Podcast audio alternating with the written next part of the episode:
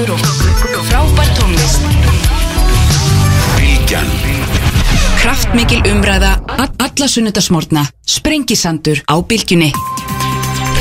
Sælilustundur, haldum að stað hér á Sprengsandinu núna. Uh, eins og leðilikur, uh, Gunnar Hólfsveit Ásalsson fjallar hér um gengjastriði Svíþjóðul og þáttar að verða hérna Eva Högstóttir og Alessandra Brím um elluleitið fjallum þá þessum við umdelt mál, hita mál sem hefur verið kynfræðslu, innsæðinleika og allt þetta sem að hérna hefur verið mjög í deglunni. Síðustu vikunar uh, þeir verða hérna uh, Kjartan Olsson, Gunnar Pettersen uh, Kjartan auðvitað einn stofnandi Arnalags, stjórnumæðu þar og Gunnar Örn, frangvæðstjóri landsambands veiðifélag, þar ræði við eldislagsin fram til sjókvegi eldisins og, og þá stöðu sem er komin þegar að eldislagsins smegi sér upp í upp í lagsveiðarnar og blandast viltalagsinum en ég ætla að byrja hérna í efnarsmárunum efnarslífinu, Gilvi Sóka, prófessor er hérna á mér uh, tíu gestur og góður, sætlablessa Gilvi, velkomin. Já, svolítið Sko það er það sem er svona það sem er áhugavert í stöðunni er auðvitað þessi það er þessi svona föðulega leiðbyrning selabankastjóðanslega alveg sem nú þurfa hann aldrei að fara velta fyrir sér landsforminu sínu. Já. því þetta staðan er svo að, að mjög margir eru á föstum vöxtum, óvertriðum sem hafa verið mjög hagstæðir. Já. en fyrir sjáanlegt er að öllu óbreyttu að það þurfa þegar því tíumbyrði líkur að það þarf að endur fjármagna sem verður miklu, miklu, miklu lagari kjörum með stöðun í dag. Já. og hérna og svona maður er að bara leita eftir því hvað, hvað svona, hvað sérðu, hvað, hvað hvernig á fólk að bregðast við? Eiga lánveitundur að bregðast með einhverjum við hætti við þessum þessari snjóhengju við getum kallað það þannig? Sko, Það fyrsta sem þarf að taka fram er að þessi verðbólga sem var til um, var mikil á síðasta ári og er núna aðeins að hérna. Já, hún var óvænt sko, þannig að ef einhver tók lán fyrir þremur árum var ekki búist við svona mikil verðbólgu. Og óvænt verðbólga kemur skuldurum vel. Að, það er að segja ef einhver tók sem lífeyrissjóðslánum haustið að 2021 á 4,5% vöxtum fastum vöxtum til 30 ára síðan hefur verðlag síðan haustið 2021 hakkaði meir en 20% það þýðir að höfustól lánsins í- að raunvirði, mm. kaupmætti hefur lækkað um 20% sem er búin að borga 4,5% á ári. En raunvextin hafa verið neikvæðir sem þýðir að sá sem lánaði peningana hann hefur borið tjón. Hann gerði mistök að lána á ofláum vöxtum. Og þetta er ígildi að skuldalækunar þó að krónutalan læk ekki þá er hlutfall þess sem skuldar í krónum og launa uh, hefur lækkað. Svo bara síðustu 12 mánuði þá var launin hækkað sem launavistur um 10% Mhm. svo er 10% að hækkun launa á einu ári en þú ert með 4,5% nafnvexti. Þá sér það það sem er gert síðustu um, þrjú árin er að um, þeir sem lána hafa borið tjón, þeir sem skulda hafa hagnast. Að verðbólga í sér tilfæslu það sé óvænt verðbólga. Mm. ófyrir sér verðbólga felur í sér tilfæslu frá þeir sem eiga peninga til hinna sem skulda. Svo áður en við heldum áfram þá verðum við að segja já um, ef þú skuldaðir einhverja miljóna 20-30 miljónir fyrir þreymur árum þá hefur þú fengið nokkra miljóna niðurfællingu í raun síðan það sem gerist þegar að, að þetta lán rennur út og endur fjármagna að þá eru vextinir orðin herri og ég aðtúiði núna lífyrsjóðurinn minn sem var með 4,5 um, höstið 2021 en núna er með 9,4% Já, já. til ekki ára. Þá hafa vextir hækkað um 5% um, áður en kemur svarinu við því sem þú sagðir já, já, þá getum við sagt að þá er lífyrsjóðurinn minn að segja já núna búist við við meiri verðbólku við látum ekki plata okkur aftur. Mm. og þó það borga 9,4% um, um, vexti. Uh, í ári verðbólkan 7,7% það er selabangin býst við held ég 4,6 á næsta ári. Svo lífyrsjóðin er að segja að þú þarft að borga fyrir skuldalækununa við ætlum ekki að gefa þér skuldalækununa þú þarft að borga hana sjálfur mm -hmm. svo pluss einhverja raunvegst og það handa okkur. Sem er í sjálfsveir ekki það, það er eins og þetta virkar. Já, en þá myndi ég segja sko þessi 9,4% vexti sem ég er að borga eru að hluta það að ég er að greiða nýður eigin lán. Þess að ég er að borga fyrir verðbólguna Já. og verðbólgan er að ég ætla upp lánið mitt. Það er einungis það sem vextinir eru umfram verðbólgu sem er það sem að að lífyrsóðurinn fær sem raunvexti fyrir. Mm. að passa sig þess að því að þegar maður er með svona háa vexti að hluti er bara að maður er að greiða fyrir verðbólguna þess að verðbólguna getur blánum hans og svo, svo afgangurinn er um, uh, vextir en, en þá er spurning þá svarið við spurningunni þinni mm. þá þetta að það sem gerist um, þegar að þeir sem veita lánin uh, vilja ekki lengur greiða niður lánin okkar láta verðbólguna geta upp Mm. á þeirra kostnað þá hafum við tvo kosti annars vegar, halda áfram að vera með óvertið lán. Sem þýðir að við sem skuldarar erum þá að í hverju mánuði að borga mjög háan afvexti þannig að 5% herra heldur fyrir þreymur árum. Mm. greiðslubyrðin verður miklu meiri. En höfustótt lánsins að að raunverðin minkar þannig að lánið það, það jæst upp pljóður hitt er að fara yfir í verðtugt lán þannig að verðbólgan leggist við höfustólin sem gefur minni greiðslubyrði. En þá lækkar höfustólin ekki að raunverðin í verðbólgan þess að verðbólgan getur ekki verðtugt lán heldur hækkar það með. Já, já, Svo þá er spurningin, hefur maður efna á því að, að já, borga skuldalækkurina með því að borga þennan verðbólgu þátt í nafnvöxtunum með því að borga 9,4% nafnvöxti eða ef að það, maður hefur ekki efna á því maður hefur ekki sko, borð fyrir báru í hverjum mánuði til þess að borga svona há vexti. Já þá, þú veist já, fer fólk vantar í bankan og lengir í lánunum til þess að minka greiðslubyrðina eða fer í verðtryggt eða hvað sem það gerir sko. Um, svo þetta trend, annars vegar það varð eins konar skuldalækkun á kostnað um, lánadrottna þeir vil ekki gera það lengur. Nei, og maður getur annarkort um, hérna að þá greitt niður skuldina sjálfur með því að borga svona háa vexti. Mm. eða ekki.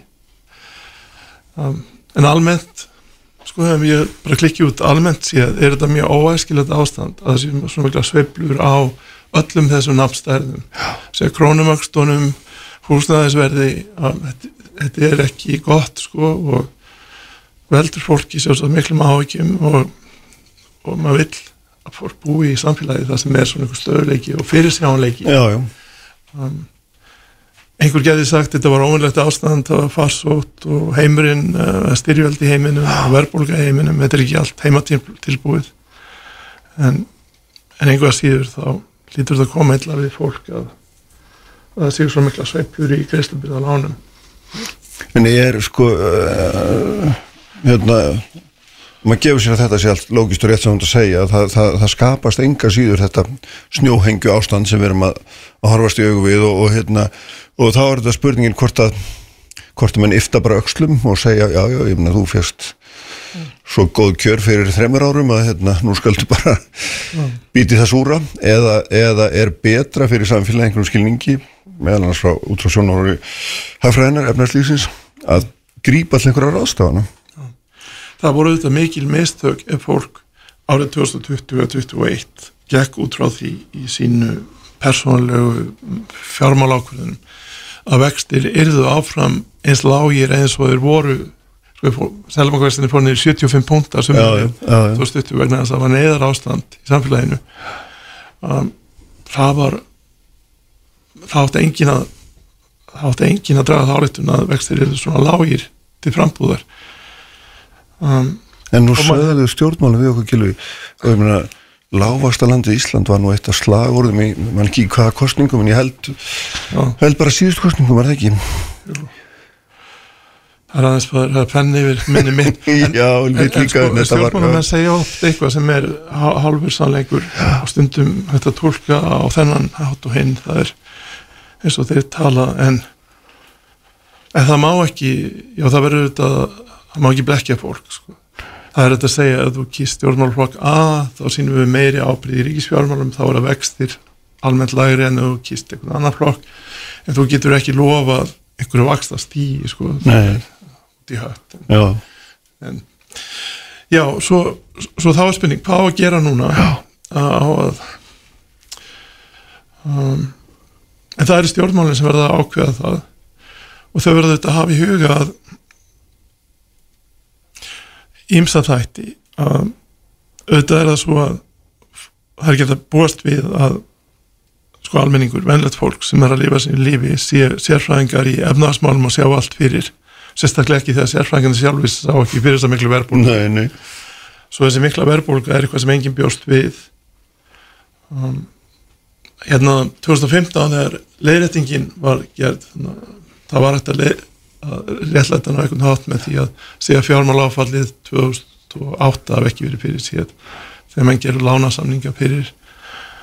Um, en um, pólitíkin geti sagt þetta var óferðis í verðbólka við viljum hjálpa fólki einhvern veginn yfir þetta Mm. tröskuld mhm, einfallega vegna þess að uh, það verður tjón sko fyrir samfélagið þegar fólk lendir í fjárhagserfileikum það sem fjörskildur það sem að uh, velíðan fólks og, og hérna farsælt batna sem alast upp á þessum heimilum sem mm, já, já. skiptir máli svo, svo pólitíkin getur alveg farið eitthvað slíkar Og aðgerðir það er í sjálf sem heldur ekki gott fyrir fjármálakerfið að glíma við lánþegar sem eru í stórkoslega vandröðum. Það er betra fyrir kerfið að eiga góða skuldara, já, já, já, já.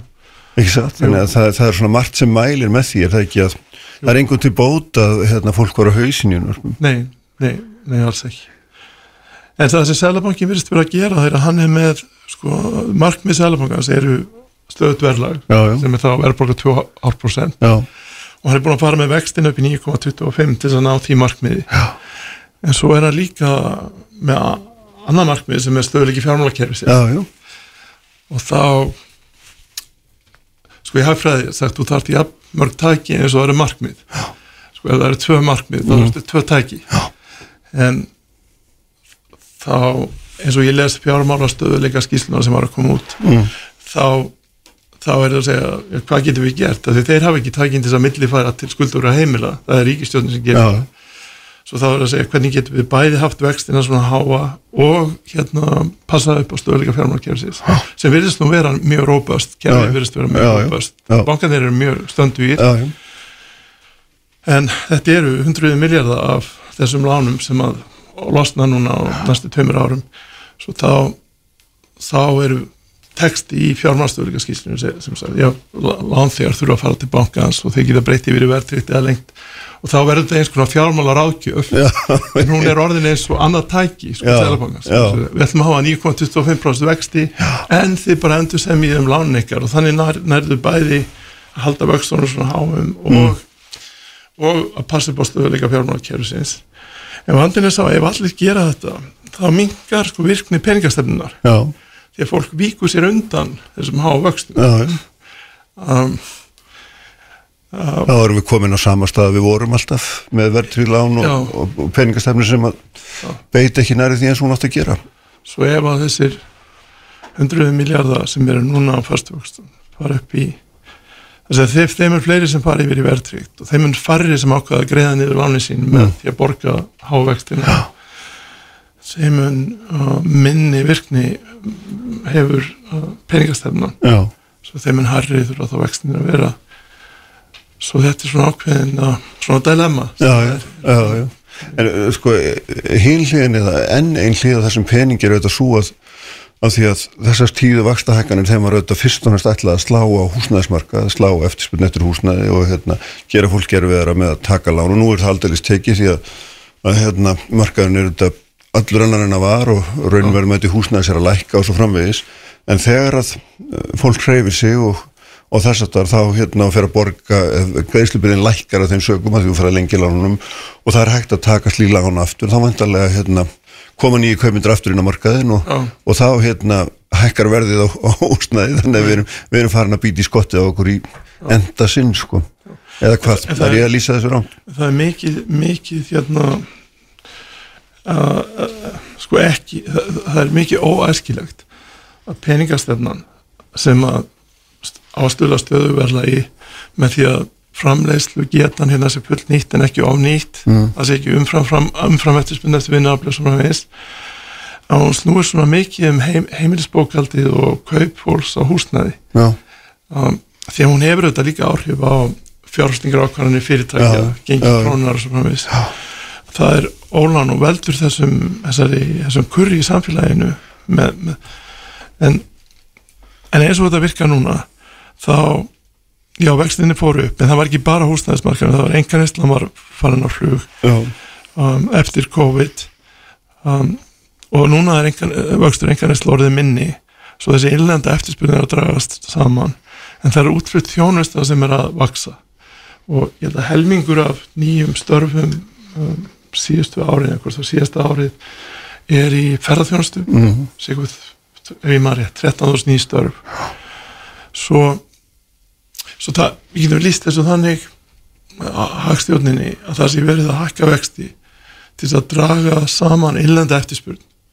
Til að mynda náðu mikið plás fyrir útlönningin sem er þá já það er ferðarþjónusta sem er að vaksa svona hrætt sko. já, svo það eina einhver stjórnmálamaður er, að er að hlusta. Það eina sem maður myndi segja sko, sko varandi hagstjórnuna það er gott að það er komin frum afgangur á, á ríkisjóð Já. já það er hans sem skiptir máli fyrir eftirspurnina. Þó að það sé halli vegna vaksta útgjaldana en vaksta útgjaldana hafa líka áhrif á eftirspurnina en annars konar.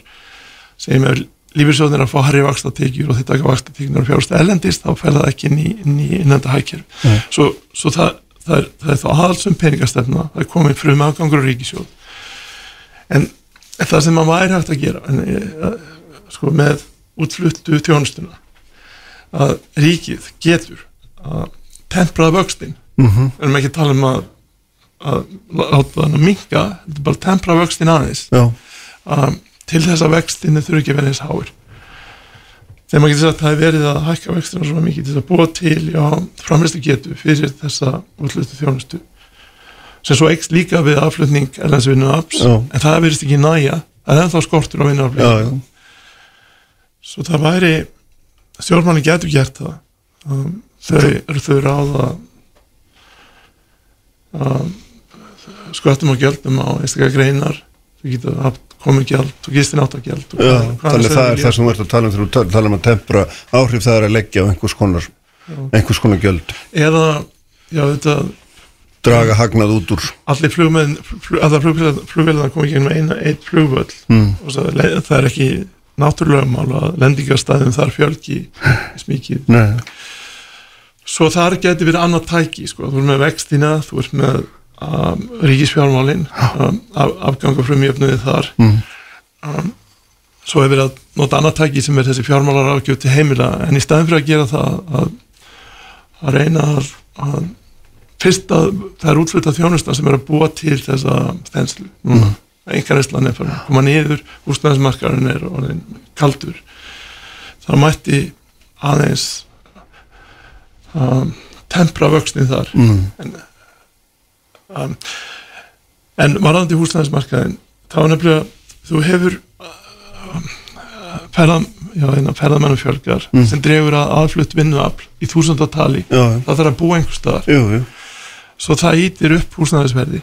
Þá kemur það fram í verðbólgumælingunni og Sæðlabankin hækkar vexti til að ná húsnæðisverðinu niður. Já, og þeir sem klemmast þannig á milli Mm. er einmitt fólk sem þarf að eins og fyrstu kaupendur þeir þurfa þá að borga bæði háa vexti fyrir mjög hátt húsnæðisverð. Sem maður segja í þessari hagstjórnarblöndu það fólk sem er að verða vest úti er þá veist, þessir 25-30 ára mm. sem þurfa að kaupa sér fyrstu íbúð. Já, og þá skiptir öllu máli sko að pappa og mamma geti stutt mann. Já. og ef maður hefur það ekki. Þá og það er, það er slæmt fyrir þjóðfélag ef ungt fólk getur ekki komið yfir sig húsnaði veist, það með öll að ungt fólk sem að eignist fjölskyldur og batn og þetta er gangu líksins bara í raun og veru en, en að fólki get ekki komið eða í erfið með að, með að hérna, koma það ekki yfir höfuð er mjög slæmt. Já, reyndir fastegnasalami segir mér reyndar að þetta, þetta fólk sem þú ert að lýsa það sjáist bara ekki í augnablikinu.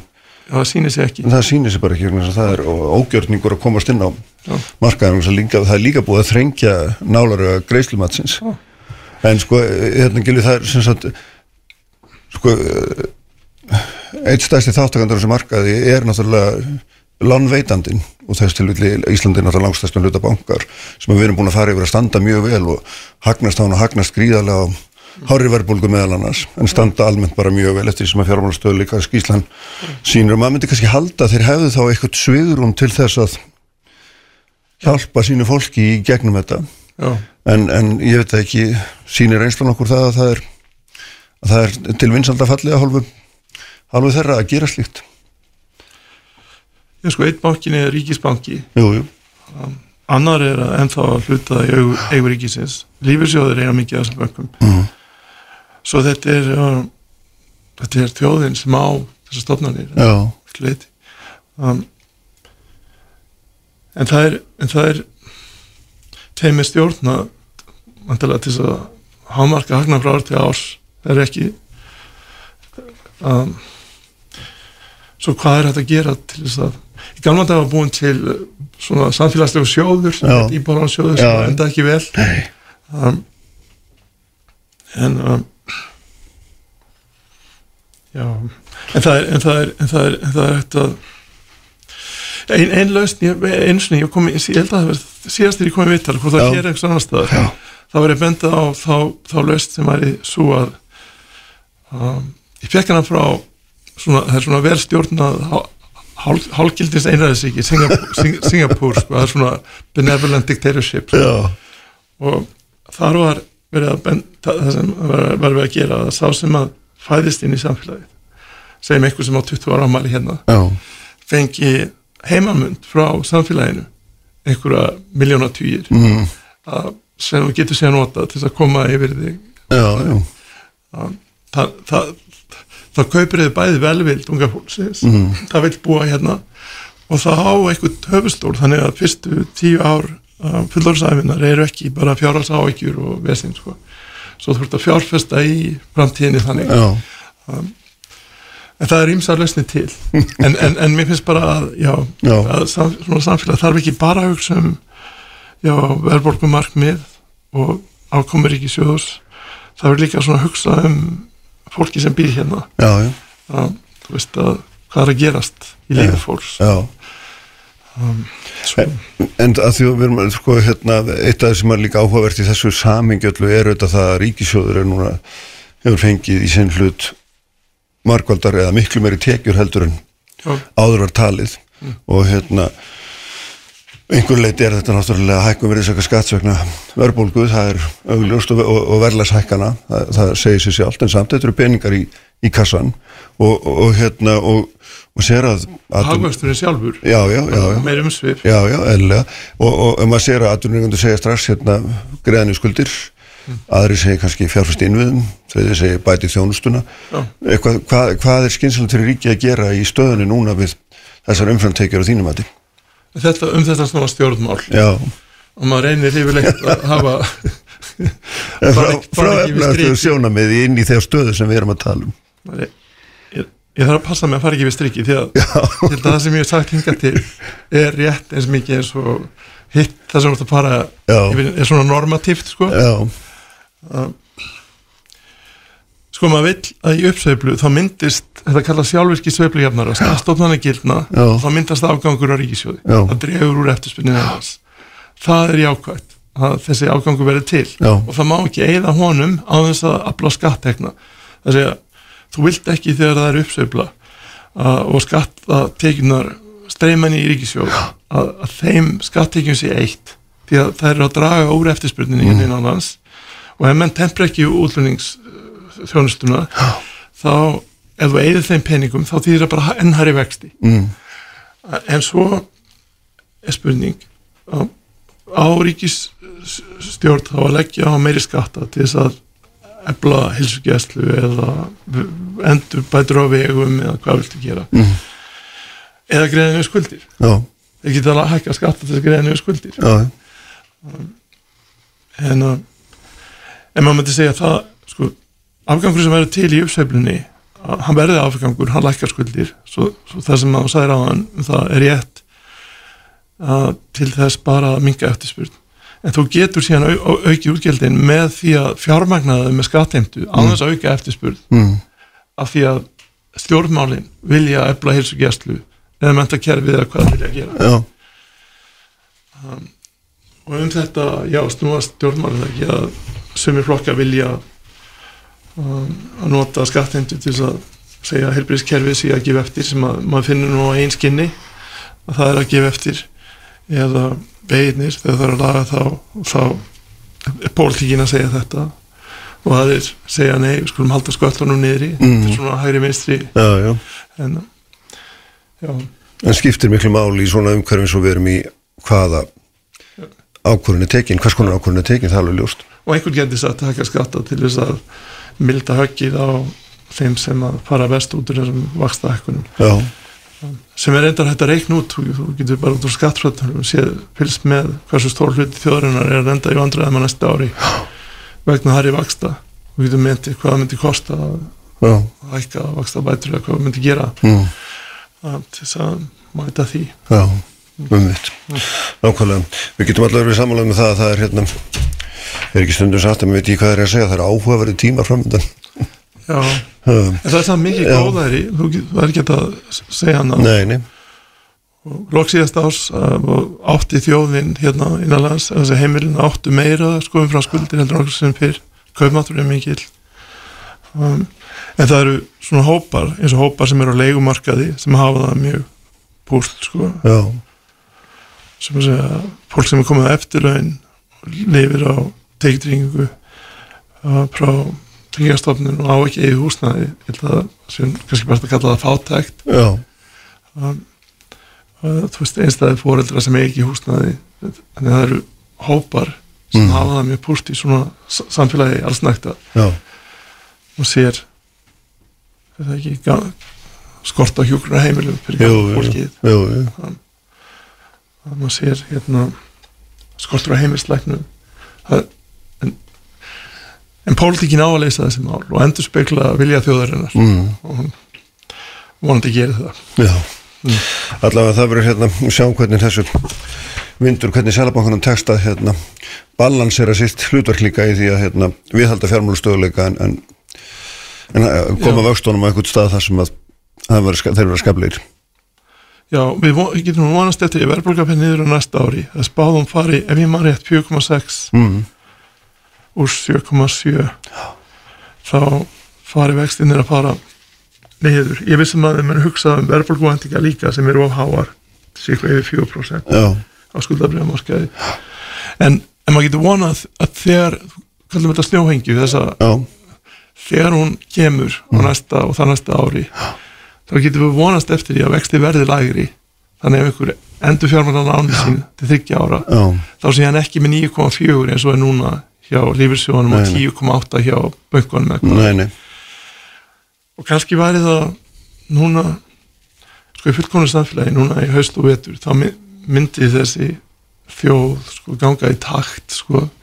Þannig að pólitíkin og eða, hérna launþegarheifingin og þessi aðla myndi Mm. í takt til þess að þessi verðbólga fari niður sem fyrst til þess að vextinni fari niður sem Já. fyrst já, já, svo að þessi heimili endi ekki já, já, en, en það er eitt sem maður getur ekki treyst á hérna er að þessi tjóð gangi í takt það er ekki eitthvað sem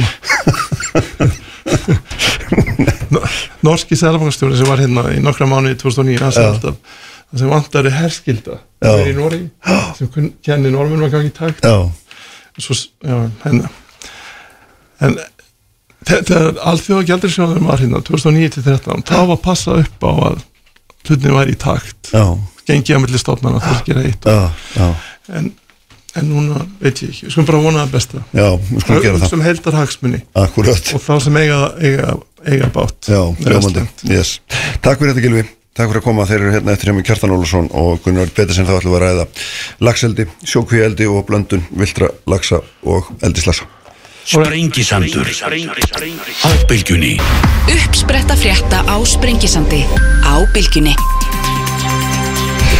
Sæljastu hlustundur, uh, heldum að stað hér aftur, uh, Gilvi Sóka farin frá mér, þau, hún verður, þeir, Gunnar Hólsteinn Ásælsson verður hér í lokþáttarfjöllum þá um gengastríð í Svíþjóð, þær verða hér Eva Högstóttir, Alessandra Brím á eftirfjöllum þá aðeins um þessa, já þetta mikla hafari sem orðið hefur vegna uh, vegna kinnfræðslu í skólum, einhverjum grunnskólum sem að mörgum áðbýður uh, framsningin og efni sem að börnum er bóðið og þetta tengist auðvitað mörg öðru sem við ræðum öllum allt hér eftir en nú ætlum ég að ræða hér um, um lagseldi, uh, Kjartan Ólafsson sem er veit einna stopnendum Arnalags og, og hérna situr þar í stjórn eitt öflugasta lagseldis fyrirtæki landsins og um, Gunnar Petsen, formar landsamanns stanguði félag, nei, altså veiði félag ætla ég að segja fyrir göð, eru hérna hjá mér.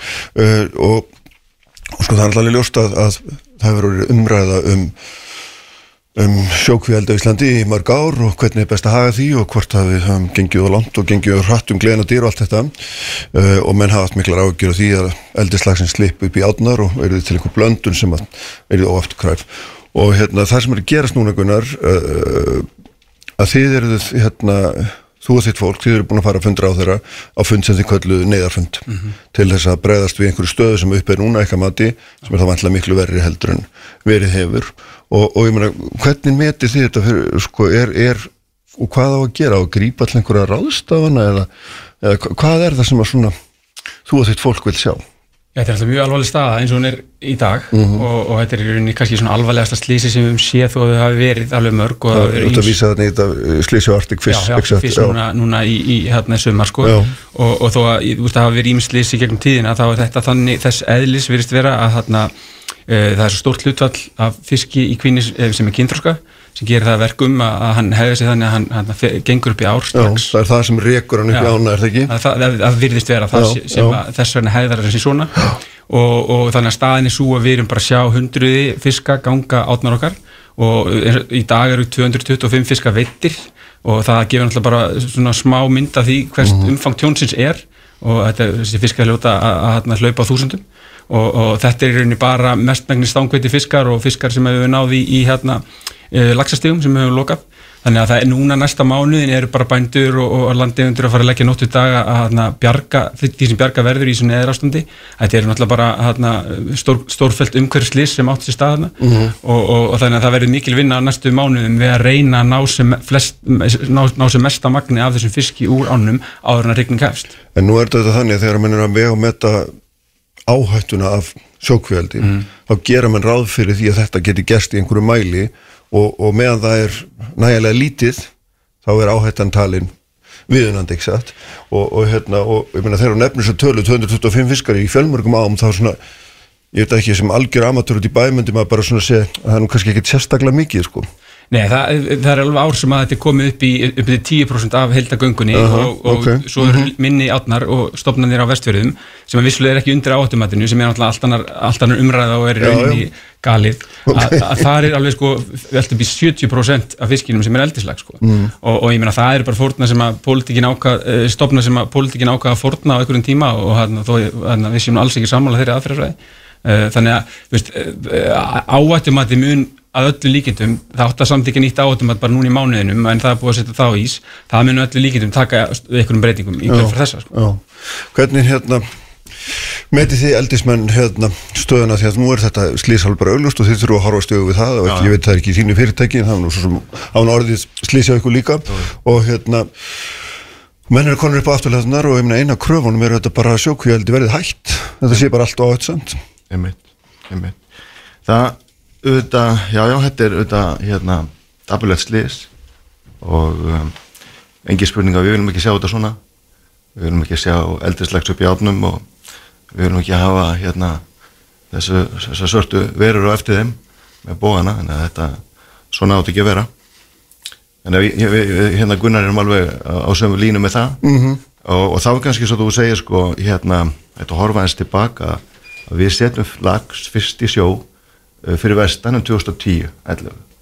og svo hefur nú verið að standa í þessu og það hafa nú ekki verið fáar orusturnar við, við stanguðmenn og, og einhvern veginn er það nú svo að, að hérna að uh, veiðimaðurinn hann kemur fram og stanguði félagin og veiðrættarinn þau koma líka fram sem sérstakir vendarar villilagsins og það snýst svolítið um hagsmunni villilagsins og 2017 þá kemur fyrst fram þetta áhættumat. Og þá er Ísland eina þjóðin sem, að, sem sagt, stendur á lagseldi e, rýður á aðeins það að setja fram sérstatt mótel til þess að venda hagsmunni villilagsins og þá eru þegar, samkvæmt þessum svo kallan guðunalögum, reglugjör frá 2004 þá er um 80% strandlengju landsins lokuð fyrir lagseldi þannig að það er alls ekki svo að, að, hérna, að stjórnmálinn hafi hérna, kastað hagsmunum villilagsins fyrir róða, það er alls ekki svo. Greinin er raunar byggð út frá hagsmunum villilagsins og við til skota sem eru líka stoltur af sínu villilags eða, eða normanna uh, og, og hérna Kanadamenn, allstaðar er hérna, hvergi er grein lagseldi, allstaðar er lagseldi orðið stór grein. Hvergi er, er það byggt upp uh, eins ríkulum mæli á hagsmunum villiræksins eins og hérna á Íslandi. Og átumandi, sem gerir ráð fyrir því að svona geti gerst, slis að í þessi tíu ár sem að, sem að hérna, ég hef búin að vera í þessu frá, og framöndi 2023 þegar þetta ljóta slis verður núna tilkynntum það 19. ágúst að þá eru upp í þessar skilgrendu ár með nýtjastofn komnir tíu lagsar tveir af þeim koma frá færiðum mm -hmm. þannig við erum auðvitað í umhverfi í dag og, og við erum í, í, í atvinnusköpum ég hérna fæðist á, á, á Rauvaröfn og, og þá eru hérna Vesmiðutórun að koma. Og ég segi þetta að þetta eru breytingar á atvinnuhóttum fiskaldið mm. er allstaður um allan heim orðin gríðarstort grein. Þetta er fiskaldið lagsinn, það elskar allir lags og ég veist ekki um að hérna að Gunnari finnst lags líka góður, ungt fólk vil lags og þú far lags í morgumat, í háteismat og kvöldmat og ekki bara á, á rauðundugum eða, eða mánudugum heldur alla vikuna. Og, og um allan heiminum en að fara frá því að borða kjött í heilsamlir fætu sem er lagsin og, og við horfum þess að landa sem ég nefndi, nefni á þann hér er einfallega ný atvinnugurinn mm. að reyða sér til rúms. Mm og það eru fyrir og fleti hún var náttúrulega ekki olbu allt í burtu sem fyrir er. Sannlega ekki, sko, og þess vegna er áhættumatið sett, sett mm. saman. Og, og við höfum svolítið verið að takast á við, við stangveðmenn, ekki, ekki bara þessu slísi núna, sem er sannlega ekki gott heldur, heldur í síðustu 10-11 ár og þeir eru svolítið eins og, eins og klukka sem er stopp. Hún er rétt kannski tvisar á, á sólaring og, og núna er þessi staða uppi sem að er auðvitað hérna En þú segir þetta sé slæmt. En finnst þú verið að líka gera svona til lengri tíma lítið úr því að þetta getur gerst að því að þetta jafnir sig. Sko, ef við horfum tilbaka síðustu tíu ár já. og, og gerum kannski ráð fyrir að það verði hérna, að þá er við með það í áhættumatinu. Mm -hmm. sem við erum orðið sammálu um að, um að nota. Með er 4% þannig að innblöndun af, af eldislags í ár má vera alltaf 4% samkvæmt vísindamönnum okkar þannig að Havró og Havró metur þoskin og Ufsan og Ísuna alla nýttjastofn á Ísland mm -hmm. en svo einhvern veginn getum við ekki treyst þeim þegar kemur áhættumatinu og þegar menn rýna inn í þetta mat að, að þá sjáum við einmitt að mikið af þeim stöðlum sem er þessari jöfnu sem þeir á sett fram mm. og ég er alls ekki að segja að þetta getur ekki verið bætt og, og ég er alveg samanlega gunnarlega sannlega má, má skoða alla hluti og leitast í að bæta þetta við erum með burðaþól langt við 200.000 tonn en við erum hins vegar einungis að ala eða miða við um, um hérna, 100.000 tonn vegna þess áhættumati tekur þetta niður. Mm -hmm. Þannig áhættumati er, er hérna, algjört líkilatrið í þessu Já. og við verðum að standa vörðum það og það er nýbúð að mæla 6.000 fiska og, og blöndunum sem kemur fram er 0,09 sem eru þetta bara skulum, langt frá þessum fjórlustum mörgum. Skulum lega Gunnar að bregðast nákvæmlega við sko, þessu því þessi skísla kom náttúrulega út í júni þessum að síni nákvæmlega þessar tölur. En akkurat, en það, það er ekki tíu fiskar þeirri skísli bara svo því sem ég held að þeir eru stofnum Já, þeir eru 50 og stofnandir á En það er samt svo fáir Já, stofnandir í Ísafjörði eru líka annar lagsastofnar og það eru vikti stofnar sem við þurfum að standa vörðum líka. Og það er ímstætt í áhættumati sko, áhættumati er ekki vísindi átumandi er, er reiknilíkan sem einn maður hjá Hafrarssonstofnun setur fram. Mm -hmm. og þetta er alls ekki vísindi. Og, og hann, hann er fyrstum maður Þú bara ítir því út um gluggan Nei, sko, það er ímslægt líka átumandi sem hefur verið svikið eh, gagvart landegjandum og veðir Átumandi kemur inn að eitthvað kröfu. Já, sko, það er í upphafi, en svo var það, svo var það að, að mótvæðisækjarir sem áttu ekki að koma til hækkunar átumand svona neinu tímpunkti mm. að því var breytt eftir á af ráð þeirra og það er eitthvað sem við samþýttum aldrei. Og það er líki ladri í þessu máli. Og átumandi eins og þessi eru ekki vísindi. Eins og eru vísindi, það eru rannsóknir sem hafa sínt fram á að neikvað áhrif áhrifa erðablundunar á vilda laxastofna já. og það er líkil punkturinn í öllum sem málum. Þú veit, ég get haldið langa tölu um neikvað áhrif sjókvíðeldis, bara sjúkdómar, lús, aðbúna eldstýra og slíkt, mm. en það eru tveir punktar sem skipta höfumáli og það er, og, og það snýst ekki um stangveðimenn eins og kannski kjartan nefnir stangveðimenn og þeir eru ekkit líkilatri í þessu máli. Það eru bændur og landegundur, fólki í landinu sem hefur atvinnu af aðna stangveiði, mm -hmm. það er fyrsta lagi og svo er það bara vildir lagsastofnar sem hafa bara sinn sjálfstæða tilverðrétt og það, eru stofnar sem við ætlum bara að útrýma í dag. Erðablöndun mun á endanum það er bara staðrind, hún mun útrýma þessu stofnum. Mm -hmm. þó að mun ykkur fiskar gangu upp í átnar okkar eftir 10, 15, 20 ár þá verður það ekki vilt í íslenski lagsastofnum og við bara sem samfélagum bara verðum komið lengra enn það í dag að samþykja þetta. Og hvernig er við að bregðast við þessari stöðu sem uppi er og hún er óumdelt og hún sko, er svo hún er og hættan er svo sem hún er. Og, og hvað hva viltu gera? Því ég sá haft eftir að þú vildi bara sjóku ég heldur hætt. Já, ég meina eina, eina raunhafa eina raunhafa niðurstaðan eins og hún akkurat er, er í dag er að hætta sjókveldi það er eina raunhafa niðurstaðan. En hins vegar þá er, gengur hérna til dæmis að ganga rannsóknum með ófrjóðan fisk vel og, það, og ég meina við lifum hérna þú veist, á 2001. öldinni með internet og, þú veist, og, og GSM síma og hérna, snjálfsíma og allt það. Auðvitað ef, að- ef að stjórnvöld setja þessum fyrirtækjum stólum fyrir dittnar og segja bara, heyrði, þróiði bara þennan ófrjófisk og tölum saman þegar það er klárt. Þa, það, það væri strax betra. Það er vissulega önnu vandamál sem við hérna, fylgja áfram eins og lúsin og, og slíkt og fiskur, við viljum ekkert hafa hennan fisk í ánni þó hann sé ófrjór, en það er strax miklu skára, miklu skára niðurstað Hann allavega helgar sér það ekki með öðrum fiskum. Nú, fólk- nú þykist ég vita að því sko. séu ekki, ekki til í að leggja laupan og hætta sko. Nei, nei, ég, ég segi við, við Gunnar þurfum að tala saman. Við þurfum að búa til ringbort þar sem þessi hagsmunir ræða saman, þess að 001 krafa hún er auðvitað hérna, uh, hún auðvitað gera það svolítið verkum en get ekki sest saman. En, en, en hérna þannig að, sest, að loka hérna, eldinu sem er auðvitað, auðvitað af og frá uh, þetta eru, þetta eru hérna, það dýraprótin sem við framleiðum sem er eitthvað hákama sem er minnst spór og um, uh, ef við horfum á í dag að við erum, við erum uh, 8 miljardar og, og verðum eftir ykkur ár og, og vonandi lífið við gunnar það, það báðir. Kannski 10 miljardar í jörðinni. Tækifærin sem tengjast í að halda áfram með lagseldi laga það ágallu sem við sjáum og ferlum og framgættin í dag. Og tækifæri fyrir Ísland sem er með efnaðarslöksuguna í dag og bláa agrana fyrir fram okkur að framleiða meiri, meira prótein á hafinu og, og það verður til þess að minga hérna, pressu, yfirnaða pressu á land og hafið sem eru tveir, þriðja yfirbúrjarðar að, fram, að færa matvala framlýslega þanga.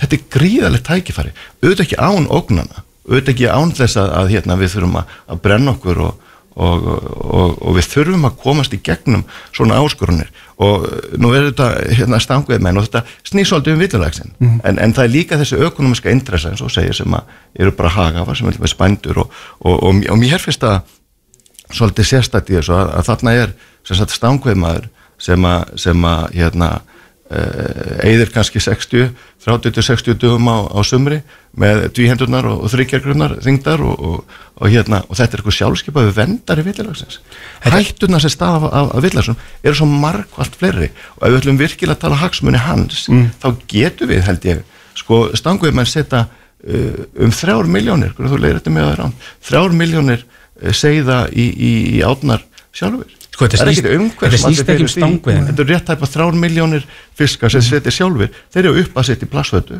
þeir setja sjálf, það er ekkert umhverfismat að, að baki þessari, upp, þessari uppbyggingu. Þannig að þessi vinna með hagsmunni vitilagsins, ef við setjum það í, í, í forgang og ég efast ekki um að við getum báðir báðir þessi hópar geta hort á, á fjölmart ef að hagsmunir snúa að því að, að, að venda villiragsin þá fjölmart sem við getum gert í, í, á, á báðum hlýðum til þess að bæta þá framkvæmt sem er í dag. Og, og veiði hérna réttar eigundur, þetta er ekkit fólk í landri gríðarlega öflugur hagsmunahafur lögum utanverðarakstur er ekki við veiðrætturendur lögum Sko- dýravend er ekki við um veiðrætturendur þeir borgi ekki eins og fyrir sig ska Ég meina sko, máli- þetta er þetta snýst ekki um- Já, Þetta snýst um þetta fólki í landinu. Það er sko, það er 2200 lögbíli sem hafa tekjur á og þetta er pening úst, og þetta er ekkert, þetta er ekkert smottir, þetta er 15 miljardar á ári.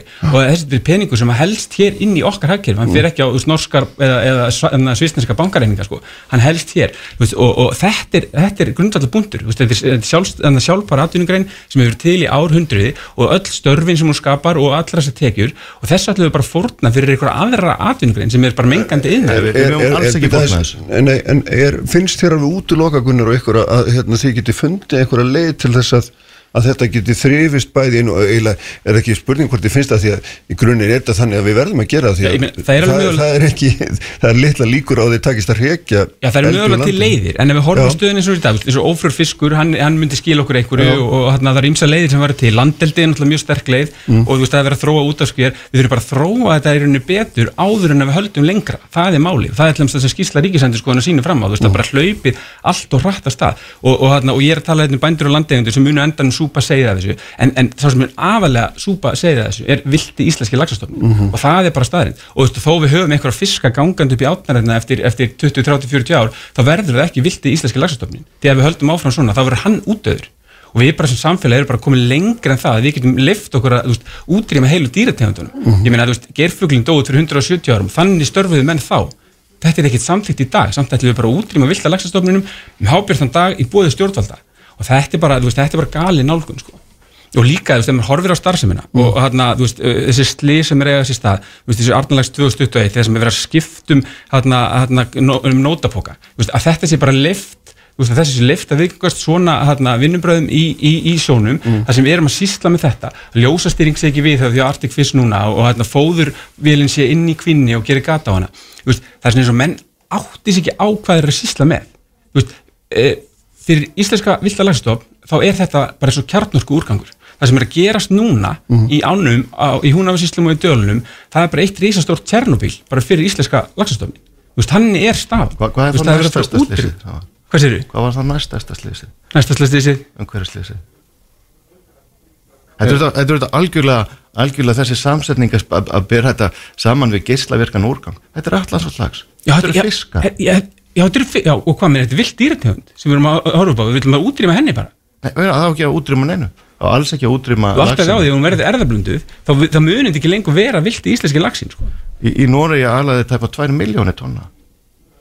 Og Já, í labrándur er ekkert valið. Nei, og hve- hvernig gengur, laxi. hvernig Það- það gengur er norskum lag, viltum lagsastofnum? Þeir eru allir, nei, þeir eru allir í nignum. Það er bara, það er bara staða Nei, ánsins. í Noregi segja þessi 4% sem við tölum um hér, þau eru 10% í Noregi. Já, aðtöðu líka það. Í Noregi, er það, þó að það sé ekki, hérna, við viljum alls ekki fá okkur íslenskan hérna, eldislags og blanda honum saman því að eldistýr er bara allt annars eðlis heldur en viltur stopp sem er búin að aðlaða sig í árþúsundir. Þá í Noregi ertu allavega að tala um norskan lags sem er að blandast norskum viltum lags. Eldislags á ekki verið bjátn. Nei, það, það er bara það. Hvernig, því. Þetta er hvernig bara- kemur í veg fyrir það kjartan að það gerist að við- hérna, þú þarft að taka tillit til þess að sjónum ég held að það sé nú bara, það er engin nýjum fyrir þeirri þó ég Við, við byggjum ekkert upp þessa grein á Íslandi að þess að taka nei. til sjóna Nei. það og við höfum gert það. Við samþýttum áhættumandi sem kom fram á stanguðumannum við vorum með hugmyndur um miklu miklu meira eldi. Og svo það er áhættumandi sem, að- sem að stýrir því magni sem við öglum í dag. Þannig að það er, það er uh, alveg skýrt að þetta er allt gert á fósendu villiræksa og við höfum alveg það sama, sameiginlega markmið. En það er alveg sama hvaða atvinnugrein þú byggjur upp hvort út í samgöngum hvort út á sjó eða í lofti eða, eða hvaða atvinnugrein átt að byggja upp að það er eitthvað spór og það eru áföll og það eru mistök og svo lærum að þeim og höldum áfram. Það er komið leki í þakkinu og við lögum það og svo höldum áfram. Þannig Þannig að að þú ert rólegur yfir þessu stöðu, þú ert að segja mér það að hérna, Ég ætla þú serð ekki í, núna í augnablikinu einhverja þá stöðu að, hérna, að við séum komin of langt. Nei, ég held, ég held að það sé alveg skýrt að til þess að svona gerist þá þurfum við að fara yfir þessi fjóbrústa mörg og þau, þau, þau koma fram í, í mælingum og það þarf að vera þá gindisblöndum yfir áratugi. Það heldur sé, sé hérna vísendalega uh, það, það eru staðrendir og, og það má ekki gerast til þess að, og, og svo það gerist ekki þá eru, við tölum það til dæmis það eru tilraunum með þrýletninga eins konar múlatar og það er þá kynlaus fiskur.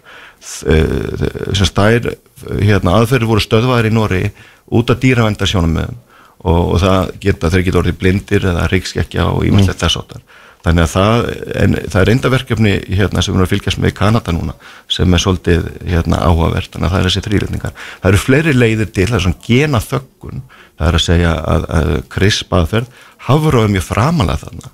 Og, og ég held að, að, að hérna, uh, við getum treyst á Hafró uh, og við gefum þeim tíu ár. Af hverju býðum við eftir þessum niðurstöðum? Og býðum eftir því að tæknin sé komin á þennan stað? Vegna þess að kemur ekkert fullskapað í hendunar okkur. Við þurfum að byggja og þróa og halda áfram til þess að ná þeim punkti, ná þeim markgröðum sem við setjum okkur. En það var bara skaðin orðin fyrir vilt- villta íslenska lagsin sko.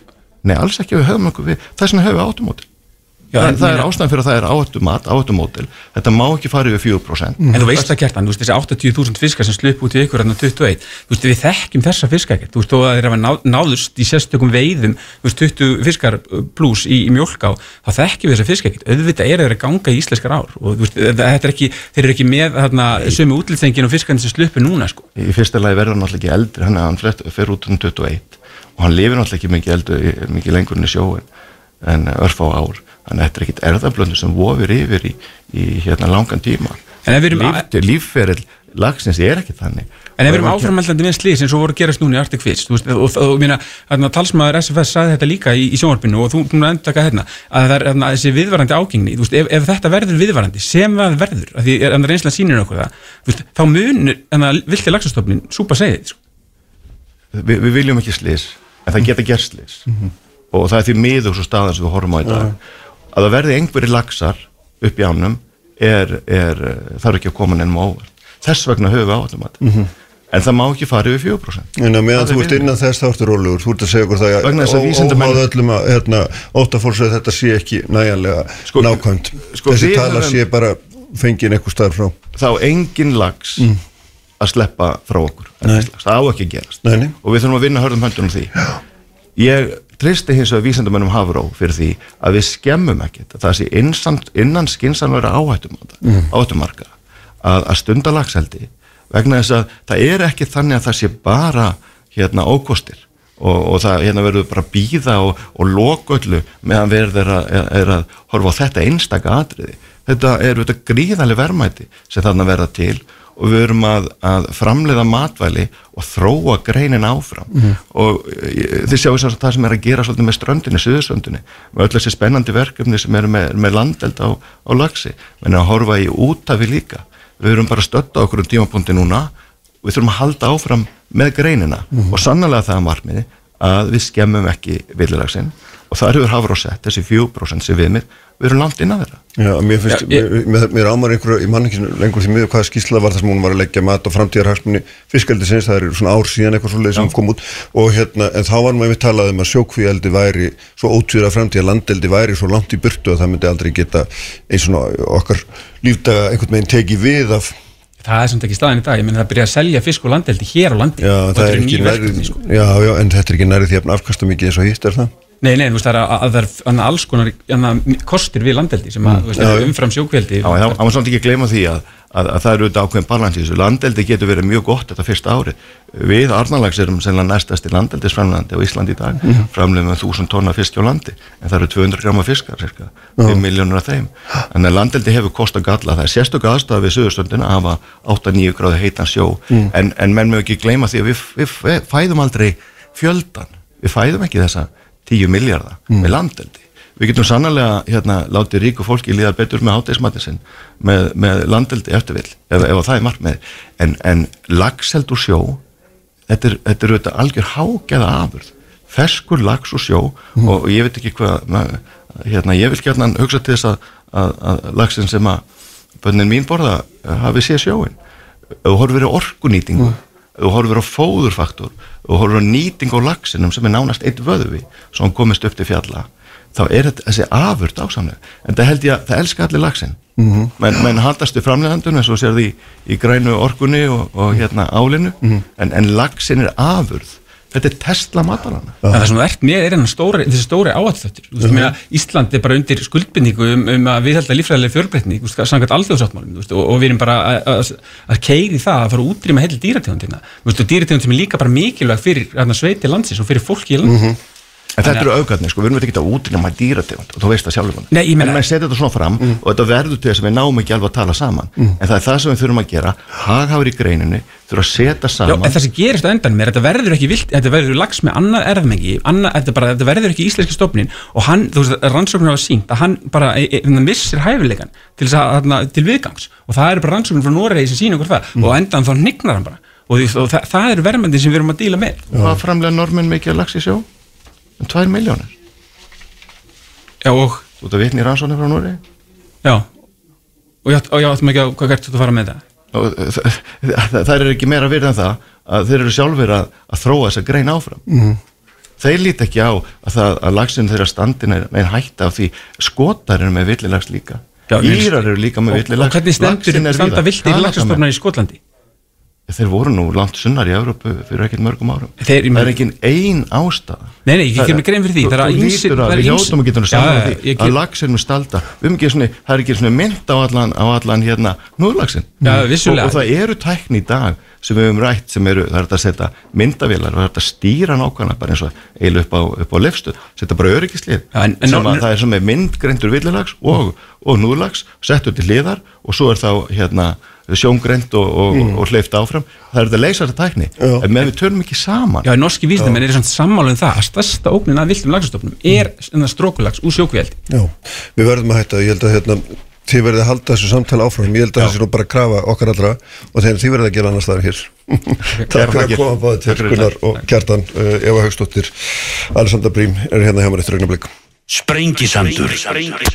Á bylgjunni Láttu þið líða vel Alltaf björt og brosandi. Bylgjan. Sprengisandur Alla sunnudaga á bylgjunni.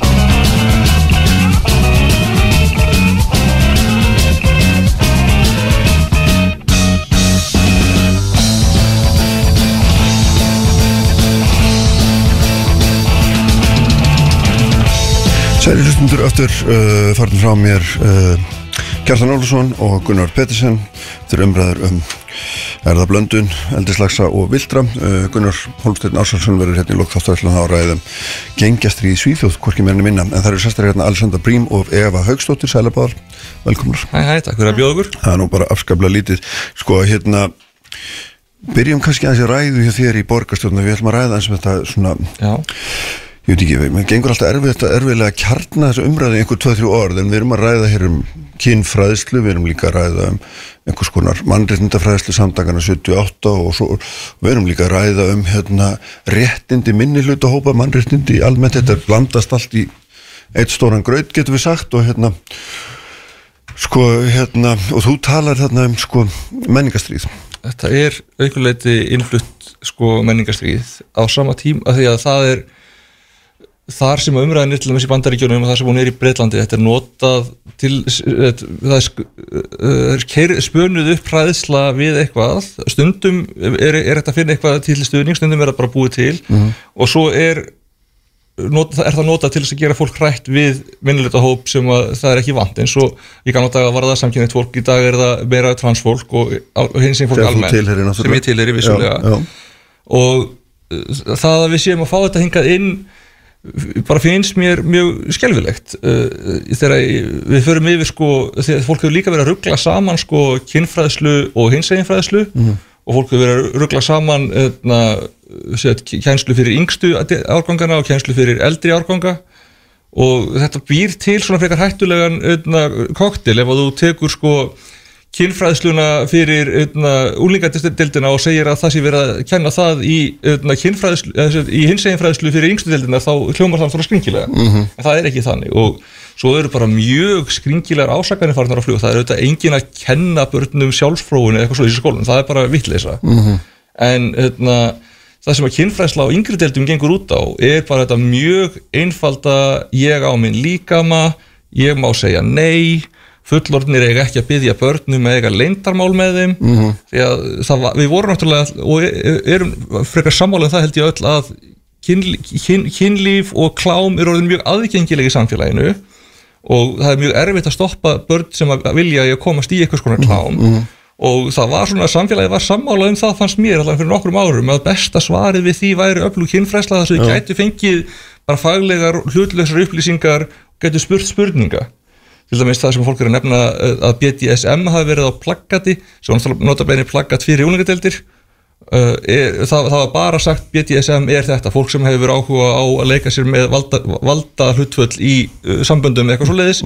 Og það var vegna þess að þetta var stutt eftir hatari kom í uh, Eurovision og þetta var eitthvað sem úlingar voru að velta fyrir sér og það snýr svona meir um það að segja í stuttumáli hvað þetta er heldur að fólk sé að googla það og finna hvað sem er. Já, akkurat. Hvernig slær þetta? Þér orðið menningastrýð ringið það einhverju bjöllum eins og sagðir í þessu Já, samhengi? já, þetta er ábyggilega menningastrið Já. En, eh, sko eins og þetta kynfræðslega efni þegar að ég frétti fyrst í rauninni ég hef búin að heyra eitthvað utan að mér svo fyrir vinkona mín að segja mig frá því að hún hafi verið að skoða þetta og lýsa því. Og ég sagði strax við hana veistu að þú hefur nú bara lent í, á einhverju gríni sko. þetta, þetta er áraðilega ekki komið inn í skólan hafði ekki ágjörð svo bara reynist þetta að vera rétt. Og þegar ég er svona unglingur ég er náttúrulega komin á hátt á 60 aldur og þegar ég er unglingur og það er verið að innlega kynfræðslu í skóla þá eru kynslafúreldra minna var sjökkaruð þannig að ég gef því alveg séns að ég sé bara svona einhverju sæðila og þegar maður fyrir að sko, uh, skoða þetta og, hérna, og skoða samfélagsumræðin og hvernig eh, fólk, fólk útskýrir þetta þá er markmið með þessu að spórna gegn klámi og kynferðisleiri misnótt konar börnum akkurat. sem er alltaf fl flott markmið. En ég hef ekki heyrt neðar almennilega skýringar að hvernig þá gerast ef við erum með teikningu af barni í baði sem verðist vera að fróa sér hvernig sko sportnar það gegn klámnótkun barna eða gegn uh, kynferðisleiri misnótkun á börnum. Þessu hefur ekki verið svarað og sko ef eru góð vísinda bak við það uh, þá er hægt að útskýra það og þá er hægt að læja þessar öldur. En þetta ég viðkenni alveg, mér finnst þetta svolítið sjokkarandi Uh, það hefur verið talað hérna um í mörg mörg ár og það var mjög vinsalt fyrir svona tíu árum að tala um klámvæðingu og tala um kyngerfingu barna að vera verið að kyngera börn hvað, hvað er þetta? Það, uh, mín kynslu segir bara býtu hvað er þetta? Er verið að kyngera börn? Ef ekki býtu uh, hvað þá með alla umræðina sem fór fram hérna um klámvæðingu 2012 Ef, ef þetta er ef, ef er verið að kyngjara börn er það kannski bara allt í lægi og þurfum við að kannski bara að, að hérna, endur skoða viðhorf okkar? Það er alls ekki verið að kyngjera börn í skólunum, bara fjarið því. Og það er ekki verið að kenna þeim sjálfsfróun eða kynlýsatarnir sko, það er bara uh, ekki þannig. Uh, nú veit ég, get ég ekki svara fyrir nákvæmlega hvað, hvaðan allar myndir sem einhver geti hafa bent á og geti hafa komið en það var mikið af því sem fólk var að láta ganga á félags, samfélagsmiðlum var úr þessu svo kallega vika 6 verkefni sem er unnið af jafnbrytisskólanum sem er fyrir úlingadeldinnar, ekki fyrir yngri börnin. Og það er þá oft með inputi frá úlingunum utan sjálfum og svona hvað það er sem þau vilja ræða.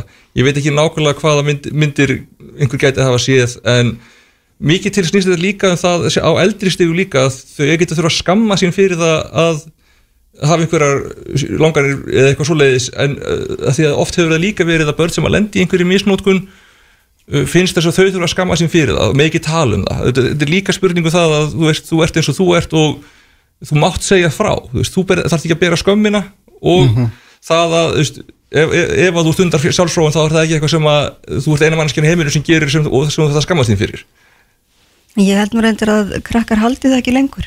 En ég held líka sko að ef að fyrir tíu árum það hefði verið byrt teikning af barni í baði að, sem að virðist vera að fróa sér að þá hefði fólk sem er rosalega hrifið af þessu efni núna en var þá mjög upptökjað klámaðingu að þá hefði það sagt að það bara verið að kyngjara börn.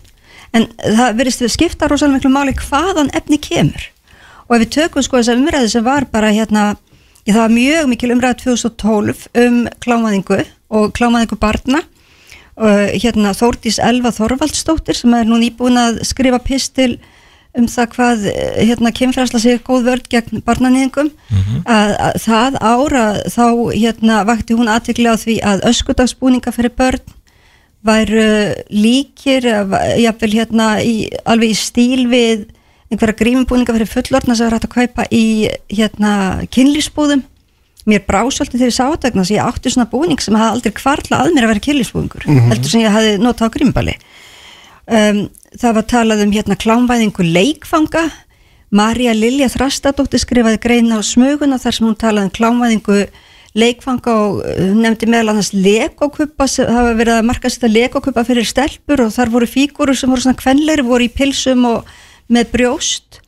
Mér fannst þetta nú ekki mjög klámfengið um, það var mikið talað um hérna hvað uh, þessi tíska fjarlægi kynhár sem var þá uh, hvað hún var í svona líka ekki barnaklámi og Hanna Björg Vilhjálmsdóttir mm. kynjafræði kennir í Borgarhálsskóla e, talaði um að þetta nertaði í hælan á barnagirnd þannig að öll þessi klámvæðingar umræði sem var þá að hérna hún, hún var sko, hún var svo svakalega ég hugsaði hérna hvar endur við? Erum við að fara að enda á sko Viktoríutímbilinu þar sem að bara klámi var sést í ökla. Mm. það var gefið út sko klám bæklingur um hérna klámvæðingu í Reykjavíkuborg og, og ég sá aldrei neitt klám í þessu. En svo erum við komin sest, núna einhvern veginn ekki þangað sem að ég held að við erum að fara við göngum alltaf lengur og lengri í þessu heldur hafi, eins og umræðan hafi tekið algjör á uppeyju og núna er bara eh, eitthvað sem að, sem að hérna, íhaldsfólki finnst vera klámvæðinga það eru svona frjálslindir vinstri menn uh, bara rosalega ánæði með. Þetta er skrítið. Sem ég segi þetta, þetta men- menningarstríð snýst svolítið um það að útmála það sem að hinn aðilinn gerir sem hættur auðvitað tortryggilegt. Og það er það sem að er verið að gera núna. Það sem að er verið að gera hins vegar er bara annars vegar hins eginn fræðsla bara uppfræða um mismunandi kynntjáningar og mismunandi fjölskylduminstur og það sé lægi að vera eins og þú ert. Svo ertu með kynfræðslu og það snýst það bara um ákveði heilbriði, ákveðina, ákveð, ákveðina sátt við eigin, eigin líkama, ákveðina eh, stjórn yfir eigin líkama, neitunarvald og þetta bara mannréttinda fræðslu í rauninni bara, þú veist, það má enginn taka frá því réttindi yfir þínu líkama. Þetta, þetta snýst svolítið um það og það er auðvitað í viðkvæmu efni, þá er hægt að taka eitthvað út fyrir sviga, ég hef tekið eftir því að þegar að skjáskot er að ganga eða uppmyndir, þá er það yfirleitt kliftar frekar þröngt. Og það er held ég vegna þess að þeir sem er að dreifa þeim í, til þess að búa til tortrygni vita að þegar að samhengið sést þá er það ekki jafn tortryggilegar. En ég skil að fólk hafi áhyggjur. Sérstaklega bara fólk sem að kannski er langt síðan það var í skóla, langt síðan það var eitthvað mikið að fylgjast með umræðinni eða eitthvað, heyrir eitthvað svona veit ekki kannski hvað það á að leita upplýsingum. Ég skil að fólk geti haft áhyggjur og þetta þurfum við geta rætt þetta. Ég gerist getur ekki verið Alessandra líka að það sé eina ástæðan mér að þetta er svona þetta skellur svolítið á. Þetta, er ekki, af því að maður heyrir það alveg mjög margt fólk spyr spyr hérna, já, tölvört margt held ég sem spyr býtu, eða segir sko, ég meina þetta hefur aldrei verið kynnt hvernig þetta er gert. Og, og, og ég veit að það er hægt að svara því með einhverjum rökum en ég held að sé mér margir svona miðaldra eins og ég sem hugsa býtu, hvert er þetta komið? Þarna er þetta svona sprettur þetta einhvern veginn upp án, án, nokkurar, án nokkurar þáttöku og, og greinlega þetta margir fóreldrar telja að sinni siðferðiskendi ofbúð hefðu vilja hafa einhver áhrif ekki satt? Það getur verið en þessu var náttúrulega ætlað að springa út. Það var, það var, það var, það það var viljandi aðgerð að fara í eitthvað stórt sem myndi fá fréttaðumfjöldun og vekja aðtikli á uh, því sem þeir voru átt að ganga. Mm. og uh, þetta er bara það er ástæðan fyrir því að ég tala um þetta sem ákveð áróðustríð og menningarstríð sem við verðum að reyna að flytja inn hérna. Það er, það er markvissar aðgerðir til þess að uh, koma umræðinu á ákveðin átakapunkt og til þess að gera, gera, gera er það bara er í kannski meira að tala um bara svona hefbundna íhjald sem engar aukar eða slíkt, bara fólk sem er svona að hugsa bara með sér býtu, hér er eitthvað að gera sem er- bara samfélagi bara farið eitthvað annars að við höfum nokkuð tíma að fengja að segja nýtt um það sko. það eru bara lög frá alþingi um að skólum beri að sinna kynfræðslu og það er bara frekar ítalegt um en það. er mjög, hérna, það gera mörgum hætti, ekki satt? Jú, jú, en eitna, við hljótum að líta svo á að stærsta, stærsti fókusin sé að annars vegar uh, upplýsa börn um mm. sett bara kynhelbriði og þrif og allt þetta. Og hins vegar eitna, uh, þessi mannréttinda, þetta mannréttinda angul að bara þau eigi ekki að láta öðrum segja sér fyrir þau megi segja nei, þau stjórni eigin líkama og eitna, Já, já, að en, en, já, já, en það, veist, það er líka náttúrulega ekki bara, fyrir ekki að þú kemst að þetta en það, snýst ekki bara um hvað er þetta líka hvenar það er sagt, hvenar Já. börn eru einhvern veginn talin vera og ég meina við getum alveg haft misjafna skoðanur, ég er ekki alltaf frá nefnir minni skoðan á því en ég er bara að segja að fólk hefur greinlega mjög misjafna skoðanur á því hvenar eitthvað tiltekið efni er viðeigandi fyrir barni og ling. Algjörlega og ef að þú heldur að fjór, efni fyrir 14 ára sé að fara fyrir 4 ára þá auðvitað verður þú hissa og reyður þannig að það er ég skil það alveg, fólk sem að hefur fengið þau skilabóð er, sér hissa og reytt en ég held líka við séum að vannmeta það hvað 14 ára, 12-13 ára jafnvel, er, krakkar eiga auðveldan aðganga alls konar efni og er að nota það Mm. það hefur verið að koma í ljós í bara barnavendarmálum og í einhildis og ofbildismálum og úlingastigum að sko væntingar og hegðun barna sem er að byrja að prófa sáfram í kynlífi eru mjög miðaðar út frá því einhver- einhverju sem þau sjá í einhverjum klámyndböndum eða þú veist, þetta er eh, eitthvað svona klám á netinu er að eiga miklu greiðari aðgang heldur en við sem erum eldri ímyndum okkur. Þú veist, ég veit ekki, ég sá einhverja ljósbláa mynd í fyrst skipti eitthvað 13 ára eitthvað á einhverju stöð sem ég átti ekki að vera að horfa á skiluru og það var miklu vægara efni heldur en það sem að krakkar geta séð bara með einföldu Google í dag sko. Já, já, já, já. Já, Íhaldssemin. ég- Sko, íhaldssemin, ég, mér finnst aðteglisvert Alessandra, þú hérna þú segir hérna að sko, það, það hefur markvist verið ákveðið að láta þetta springa út. Þess að það er ákveðið að varpa ykkur sprengju og svo bara grátið þegar að, að hérna fólk sem að telur sér verða fyrir þessari sprengju rýsa upp og fyrir að, að hérna kasta tilbaka sko. Hvað áttu við? Hvað- Það var ekki við sem Ha? vörpuðu sprengjunni Ég held að hún að átt við að sprengjuna hefur verið varpað á andstæðingunum, er það ekki Já, rétt skilið? algjörlega, með, já. með því að ráðast inn í skóla og ráðast inn í skóla, jú, verður var- ráðist inn í skóla hvað vittlis er þetta? Þau gengu inn í skóla eftir að kennslu var lokið og stu, voru, voru að hérna, óta myndavilum að kennurum og þráspyrja þau og neita að fara og bara já, En- en- það var innrás í skóla. En hvað var þetta með sest, þetta kennsluefni núna sem að hérna, er að valda svona miklum taugatitring í samfélaginu? Sko nú er grein sem ég held að sé ennþá mjög ofarlega í mest lesi á vísi eftir Guðlaug Bragason heimspeking sem að heitir að samtali búið. Mhm. sko, og þar sem hann er að tala um þessa hluti og, uh, hérna, og undrast það hvað umræðan sé ofbúslega polariseruð og það sé ekki hægt að halda við málefnulegur umræðum þessa hluti. Sko ég segi bara var samtalið byrjaði einhvern tíma? Eða, eða það er ekki bara búið, það byrjaði aldrei. Það var aldrei tekin eins uh, uh, hérna, svona almennileg samræðið í samfélaginu um það uh, hérna, þetta kennslefni til dæmis eða um það hvað þetta fara að gera í þeim málum í skólunum og tengingi við hún var- hinsegin fræðsluna er þarna inni líka er það ekki, það er ekki beintenging við hinseginfræðsluna, hinseginfræðsluna er allt annað. það er það alltaf tenging við hinsegin fræðsluna þó að það sé ekki sko samstra á milli vegna þess að til dæmis í þessari bók sem að veldur hún svo mikil nexlu núna að það er til dæmis uh, hérna klausa sem að er eitthvað á þessa leið sko fólk kallar þig kannski strák en þú veist að þú ert stelpa.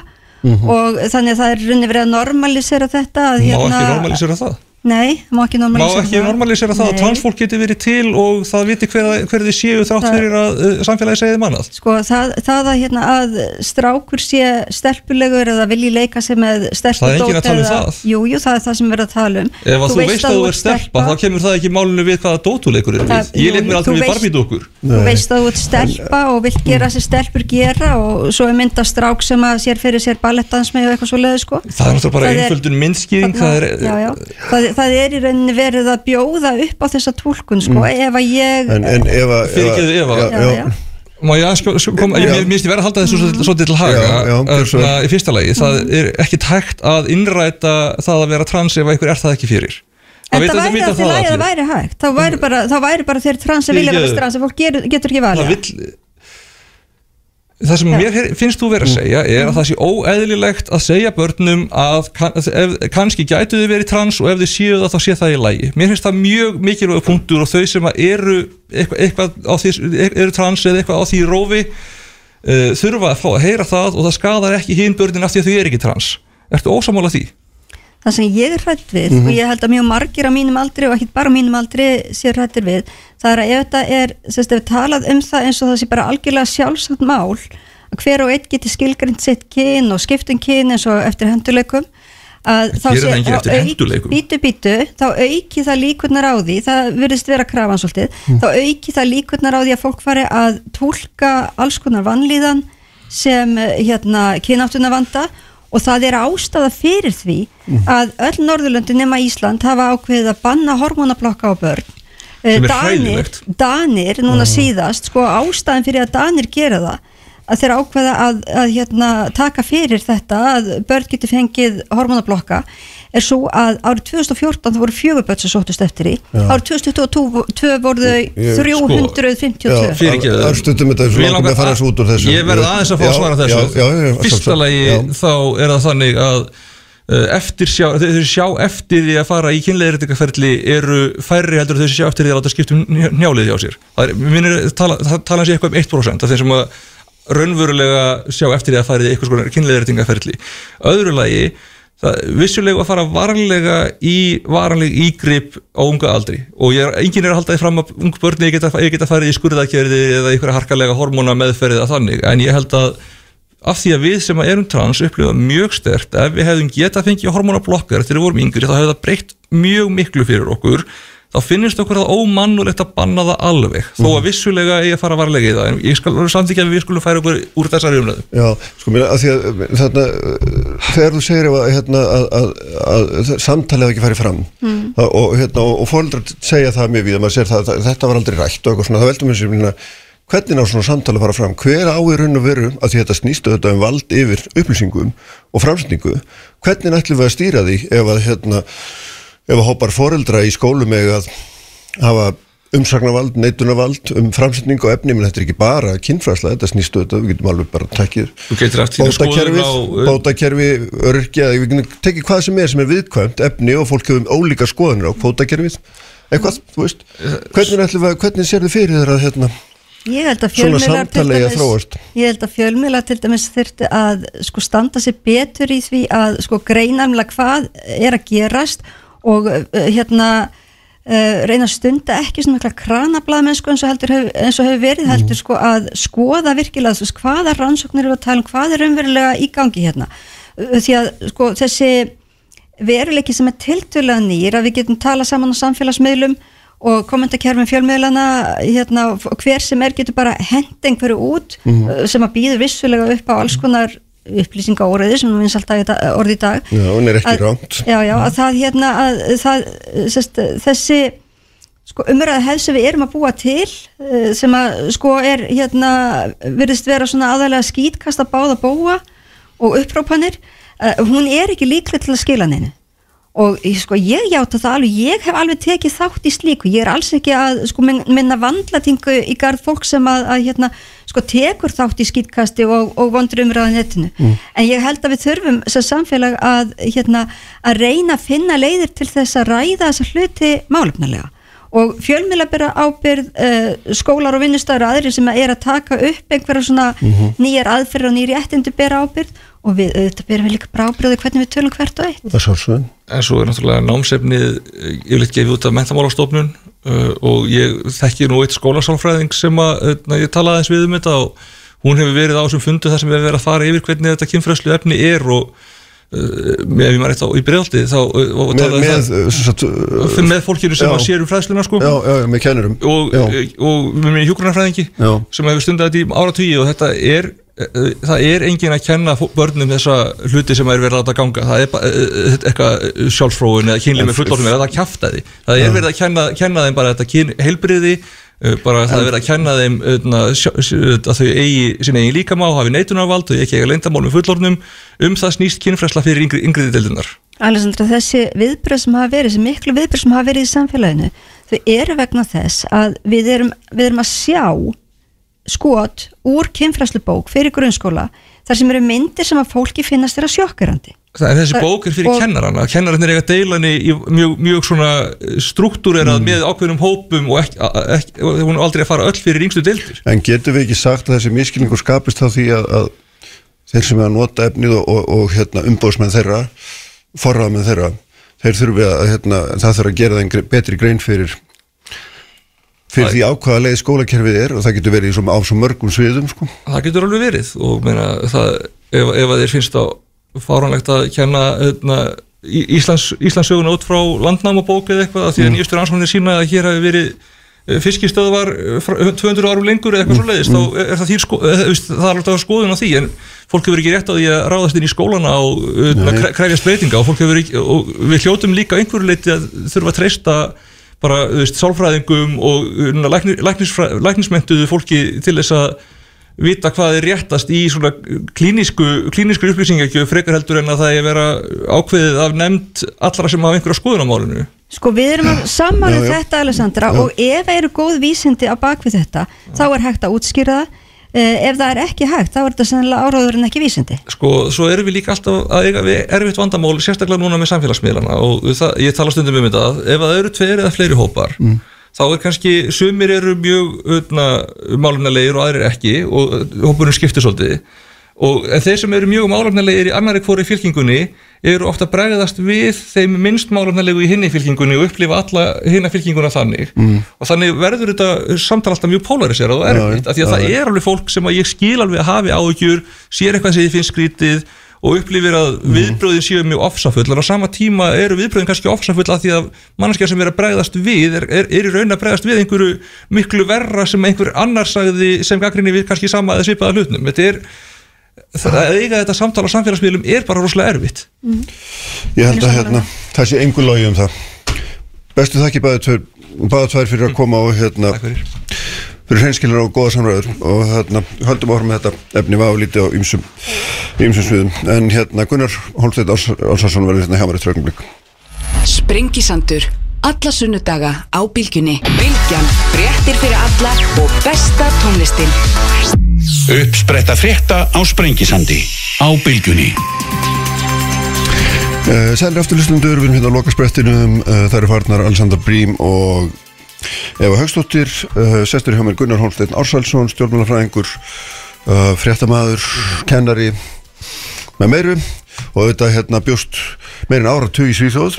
Og þangað ætlum við að fara saman núna því að hérna eitthvað er þar á segði í undirheimunum þessum svo kallega gengja stríði sem að greinilegt er að mjög mörgum ábyrður og svíum ekki síst sjálfum og nú eru svíjar auðvitað frjálslindir og þetta er friðanis ríki og mikið fyrirmynda ríki og, þessna, og þetta hefur verið í uppsiglingu lengi og, og eitthvað svona en að ná okkur svona rosa hábúndi þar sem að bara skotar og sér er bara daglegt brauð og hérna, hvað er eiginlega að segja þarna? Getur þú, veist, Já, uh, góðan daginn og takk, takk fyrir að bjóða mér er þáttinn, gaman, gaman að koma að ræða þetta. Því að það er, það er náttúrulega fátum annað meira rætt í Svíþjóð þess dagar heldur en, þetta rosalega ofbeldi sem er í gangi í, í undirheimum Svíþjóðar og, og hérna er, er að gerast á opinberum vettvangi í íbúða hverfum og annað slíkt. Og bara núna í þessari viku er, er semst, uh, voru sex skotnir til bana. Já, já, og hérna þannig að þetta er að ná ákveðnum hæðum sem að sem menn hafa aldrei séð áður. En þetta er rauninni þróun sem að talað um að Svíþjóð hafi- hafi aldrei verið hættulega að búa í Svíþjóð já, já, frá, frá og lokum hérna, síðar heimstegundar svo, svo hérna svona aukin hriðverka ógn vegna kóranbrennuna brenn, brenna og annað slíkt sko. Þannig að, að það er svona mjög strekt getur maður sagt ástand í landinu og Mm. maður heyrir það á fólki sem er talað við í, í fjölumilum, fólk hefur miklar áhyggjur af þessu. En í raunum veru má segja að þetta, þetta byrjið svona bakgrunin að þessu eh, rótin er bara allt, allt aftur til sko áttunda áratugurins, níunda áratugurins með sem sagt hérna mótorhjula gengjum sem að svona, leka yfir frá Danmörku Já. og Þískalandi yfir til Svíþjóðar, Banditos, Hells Angels. Og við veitum alltaf hvernig þau virka, þau er ekki nefn í löglegri starfsemi. Nei, nei, og svo uh, fyrir þetta að þróast meira og meira verður sem sagt uh, aukin fíknarnaverslun það er gríðalegu fíknarnamarkaður og uh, það er talið að sko uh, fíknirn á, á, á, sem flæða inn á hverju ári séu kannski 150 til 200 tonn og það, er náttúrulega bara brot sem tollurinn nær sko. Þannig að en núna þessi, þessi, sí- þessi, síðust, þessi, þessi síðustu vendingar eru sem sagt er eiginlega svona uh, þetta eru nokkri náungar sem að hefa verið að berjast um völd og áhrif á fíknarnamarkanum og breyta fíknarnamarkanum sérstaklega náungi sem er kallaður kurdiski refurinn já, sem er hérna eh, sem náungi sem að flutti ungur árum frá norður Írak til Svíþjóðar og hann er búin að gjör breyta fíknirnamarkanum sem sagt færa sig út úr stórborgunum inn í smerri samfélag út um alla Svíþjóð meira að minna. Og þarna er bara blóðu barata á milli aðela í þessum heimi sem að kannski einu sinni voru saman í geng Já, já. en svo eru sum gengin að- brotna upp mm.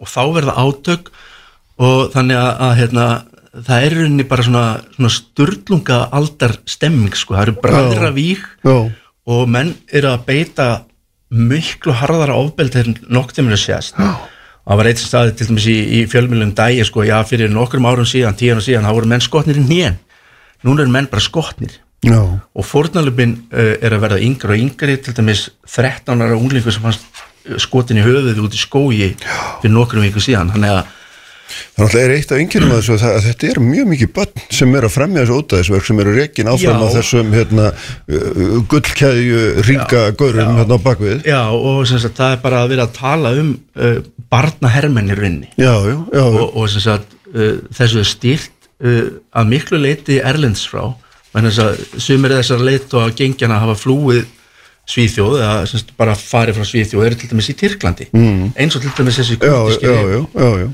og hérna þannig að, að hérna en það verðist alltaf vera nóg frambóð af, af hérna fólki til að taka við og fyrir nokkrum missunum síðan það tókst lögregluna að brjóta upp svona svona, svona kóða netverk af sem sagt símum og símtækjum já. Og í kjölfærið af því þá, þá náðu þeir að handlaka hátt í 400 aðila. Já.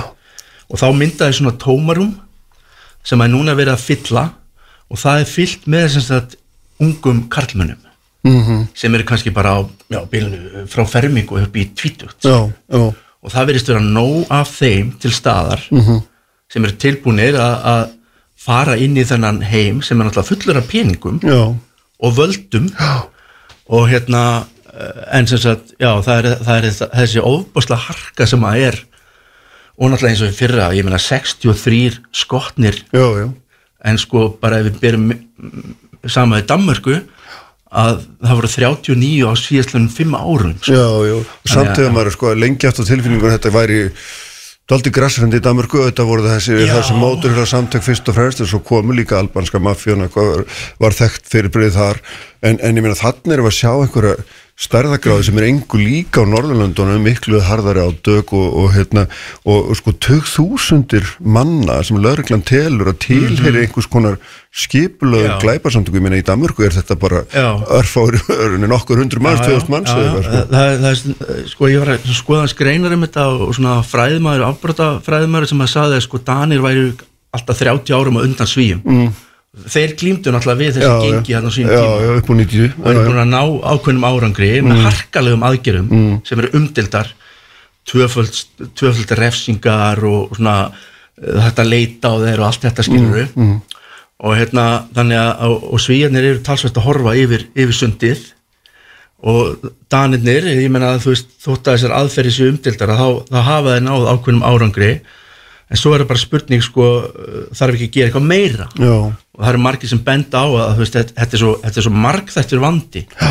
þetta er sko félagslegu vandi þetta er skólakerfið þetta er félagslega kerfið þetta er, þetta er rauninni bara allur pakkin eins og þetta já, leggur já, vegna þess að svona glæpir alltaf verði ekki, verði ekki til úr Þeir, þeir sprett ekki sjálfu sig, það er ekkert, er, er ekkert og maður sér það þetta í mjög víða umræðin að þarna er auðvitað innflytunda pólitíkin spila Já, mjög stórt hlutverk og hvernig hefur tíkist að laga Já, já. að laga fólk að þessu samfélagi sem það flyttur og þetta er náttúrulega líka fólk sem er annarar og þriðju kynsluðar innflytundur það er ekki eins og þetta fólk hafi nokkuð tíma alltaf Nei, heima nei, annar nei, staðar en í, eða þessi strákar hafi alltaf heima annar staðar en ég minna, en þú veist, hver er svona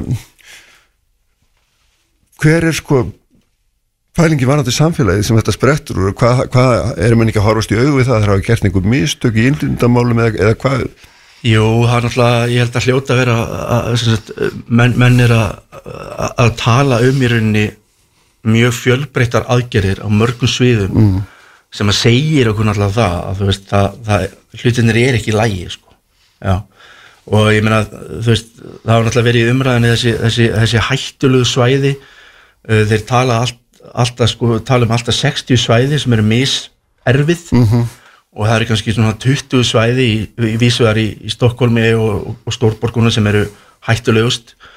Og þarna er náttúrulega veruleiki til staðar það sem að eru, eru gríðarlega félagslega vandamál. Það er atvinnleysi og það er, það er, það er nýðskurði í skólum og annað slíkt og, og, og þannig að, að maður heyrir það bara á sem, sem, sem, sem tala fyrir yfirvöld sko að, að þeir eru að tala um sko svo fjölbreytta mynd og svo, svo margbreytilega og flókna mynd að það er engin ein lausn sem að, sem að er hægt að grípa til. Heldur þarf alveg samþættingu á öllum kerfunum og náttúrulega setja meiri peninga í hlutina. Mm. löggæslu, félagslega þjónustu skólakerfi og svo framvegis og svo framvegis. Þess að, náttúrulega langflestir til dæmis þessar stráka, þetta er náttúrulega langflest karlar. Já, já, já, já. Þetta eru yfirleitt drengir sem hafa flosnað upp úr skólum og eiga við uh, mikil félagslega vandamál stríða. já, já, já. Þannig að, En hvernig er fyrir það sem ekki þekkja því að maður, aftur, ég, ég þekki Danmörku miklu betur en Svíþjóð að það er auðvitað sko fyrir einhverjum nokkrum árum þá byrjuði danski stjórnmálum bara ofnbæðilega að tala um ghetto Já. sem bara orð sem að maður hafði ekki heyrt frá því bara að tala um Já. í sér heimstyrjöldin um ghetto sko og hérna fannst ræðilega uh, nöturlegt en þá var farið í markvisar aðgerði við að svona við að, að hérna uh, blanda fólki betur getur maður orðað mm, þannig þú veist að það myndust ekki svona lokaðir heimar af, af fólki sem bara lærið ekki dönsku, gengi ekki í danska leikskóla, fær ekki, gæti ekki bjarga sér í skólanum og allt þetta. En mér Svíþjóð hefur og aldrei náð tökum á þessu ekki, þar er einmitt svona stór innflytjanda hverfi sem að Já, hefur einnig er, einst erfitt að brjóta já, upp já, það er, það er náttúrulega stóri innflytandi hverfi og ég bjó á sínum tíma í einu slíku þar sem að voru töluði yfir 80 tungumál og, og það átti að verða svona millistetta hverfi á sínum tíma fyrir svíja en, en svo kom bankakreppan og, og, og það seldist ekki neitt og það voru bara innflytandi settir hann inn. Þannig að, hérna jú, ég meina þetta, þetta eru stór og mikil hverfi eins og Ringiby í Stokkólmi og Tensta og fleiri, fleiri, fleiri stór hverfi mm. biskupskorten í, í, í, í, hérna, Gautaborg og náttúrulega í Malmö líka ákveðin hverfi eins og, eins og hérna já, það sem, að, að, það sem slatan er sko. Já, já, Þannig hérna, að hérna, að hérna Rósenkort heitir það. Og já, þetta er þetta, þetta verða svona getur maður sagt kannski rík í ríkinu. Mm. já. Og, og þann, þarna verður til ákveðin menning og, og svona ve- ákveðin svona uh, já, svona jarðvegur fyrir þessa hluti og ég meina það er náttúrulega dæmið þessa fólk að til dæmis bara vera að flýja þessi hverfi þú veist Mm. svíjar og bara ég heyri til dæmis viðtal um dæmi með eina konu sem að sem að, já, það var, það var morð í hverfinu hennar og hún bara, hún bara seldi sko. Já. Já. en það, það náttúrulega já, þú veist, Svíþjóð er innflinda land og ég meina þar, þar er, er hátt í 20% þjóðarinnar innflindur og ég meina það er álíka hlutvall hér, Mhm. það er aðeins herra kannski, en ég meina já, menn tala mikið um þessa aðlögun að hún hefði ekki hefnast nógu vel. En, en sko, hvað þarf til? Jú, ég meina það þarf til skólakerfi til dæmis. Já, fyrst og fremst. Það, ég meina menn, menn verða að hafa þú veist, löglega leiðir til að hafa ísuga á og allt það þú veist, meina, það er mikil freysting fyrir unga drengi að fara inn í gengi þar sem að flæðir allt í peningum og þú ert ekki með neina mentun Mm. svo ertu bara komin Rolex úr eftir hálfa mánuð og komin að Porsche eftir tvo mánuði Já. þannig að þú veist, þetta, þetta svona að því að ég kenni nú afbrotafræði líka út í fjölbreytti Garðabæ Já. þá, þá, tengist þetta svona kenningum um síðróf þar sem að, að menn reyna að stýta sér leiðir að, Mm. að markmiðunum í lífinu Já. Og þetta er náttúrulega mjög lokkandi heimur fyrir unga menn að, fá völd og áhrif og allt þetta sko. en öll öll þessi, öll þessi hverfi ég meina glíma við já, mjög mikil vandamál þó þó að þetta sé náttúrulega ekki bara engungu bundi við innflytjendur, ég meina það eru sænskir sem að fremja glæpi líka sko. Já, það er svona cirka 50-60% En þetta gengjastrýfi sem við erum að tala um, það einskorðast, er, Já, er það ekki að stæstum hluta við leiðtóðnir sem eru Já. nafngrindir er eru kosti. erlendum uppruna já, Það er þeir til hafi dæmis búið alla sína æfi þessi kurdiski refur Já. aðal, aðal anstæðingur hans er kallaði gríkin já, hann er grískur Já. þeir voru einu sinni saman í gengi núna eru þeir farnir sikkur áttina Já. og það er bara verið að drepa á báða búa sko. Já. En hvernig spilar svona ástand inn í pólitíkina? já, ég meina menn eru náttúrulega bara á fulli að reyna að gera eitthvað Mm. og það var bara síðast í núna þessari viku sem var kallað saman sérstætt ráð í, í svona öryggisráð í sænsku ríkistjórnin til að til að reyna að finna ykkur að lausnir og ég meina þeir eru með hérna þeir eru með hérna svona prógram hérna Mhm. sem þeir eru búin að setja fram Já, svona 100 daga prógram. já, Já.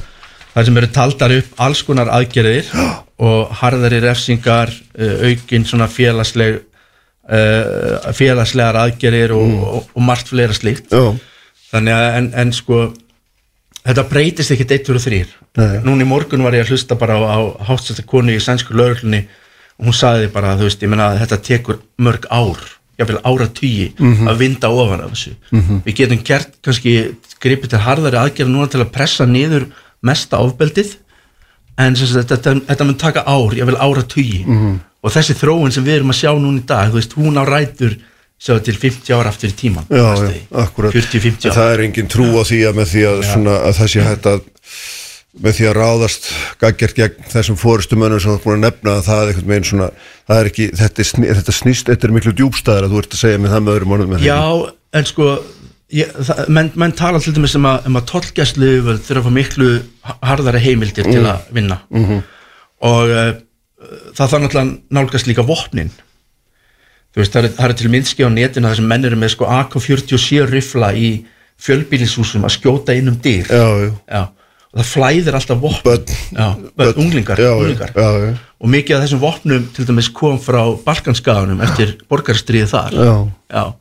þannig að það, er að taka eiturlifin Mm. það er að taka vopnin til að byrja með. Þannig að þú veist sé ekki bara allt flæðandi í þessu sko. Mm. En nú er alltaf í allir svona umræði þá er þannig maður alltaf að gelda varhufi því að, að hún spólar sér svolítið upp sjálf oft. Mhm. og, og það sem er svona kannski alveg ástand verður í fréttum bara eins og eitthvað risa katastrófa og síðan spinnstrós umræðið um þetta. og þannig hefur kannski umræðan verið aðeins svona síðustu tíu árin eða svo leiðis en, en það er ekki rámt hjá mér því að segja að, að nú er orðin alvara, það er ekki lengur um að ræða eitthvað svona ígjur í fjölmiðlunum nei, nei, nei, nei, nei, sko þetta, þetta er menn tala um þetta sem bara alveg stöðuna sem er að séð Já. í þessum málaflokki, það sem er að gerast núna Já. það eru sagt daglegar árásir ég meina í uppsölum í nótt var til dæmis hérna, skoti á íbúð Já. það var, það var sprenging í Stokkólmi sem er mögulega tengd einhverju svona Mm. Eh, þannig að það er bara veist, þetta er svona það sem að einsku kalla svona tit for tat Já. þú gerir eitthvað, þá ger ég eitthvað móti Já, já. skilur þetta er svona, þú veist, bara þetta er svona spírall Já. þannig að, að það er alveg það er greinlega bara óbúslega mikið í gangi og, og þessu, þessu er meira að minna fjárstýrt frá, frá Tyrklandi eða öðrum löndum eða annars Já. og menn tala um þetta sem svona það sem að ennsku kalla svona proxy war Já. það sem þú ert með ákveðna aðila sem er að vinna fyrir þig og þeir framkama illt á þinn sagt, fyrir þig Mhm. sem sagt, bara glæpina og, og morðin og allt þetta.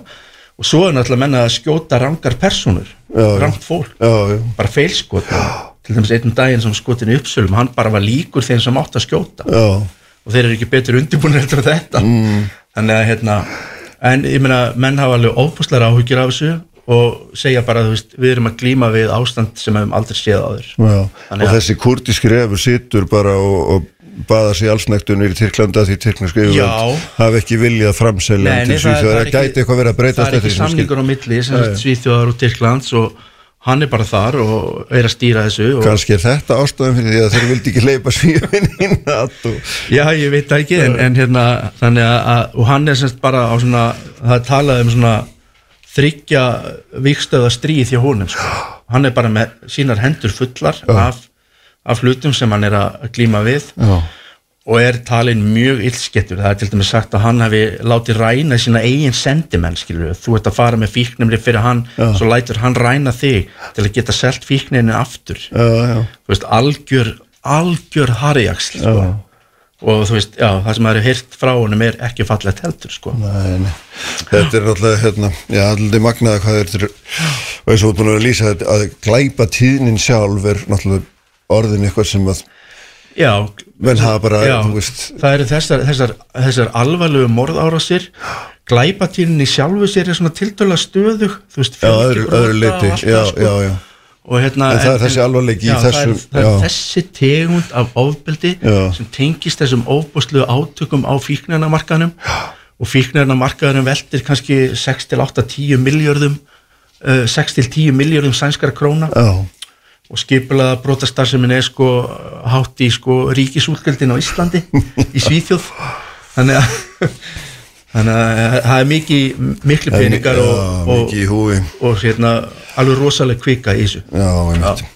Heyrðu, það er hérna, takk fyrir að koma það er hérna mjög fróðlegt að fá einsinn í þetta hérna, samtímalega sögulega. Er nú hérna, bestu þakkir og við verðum þá bara að láta sprengisandinum lokið í dag. Ívar Davíð Haldursson stýrðir útsendingun eins og hann gerir nú alla jafna. Uh, allt efni bilgjam.is, vísi.is Bilgju appinu,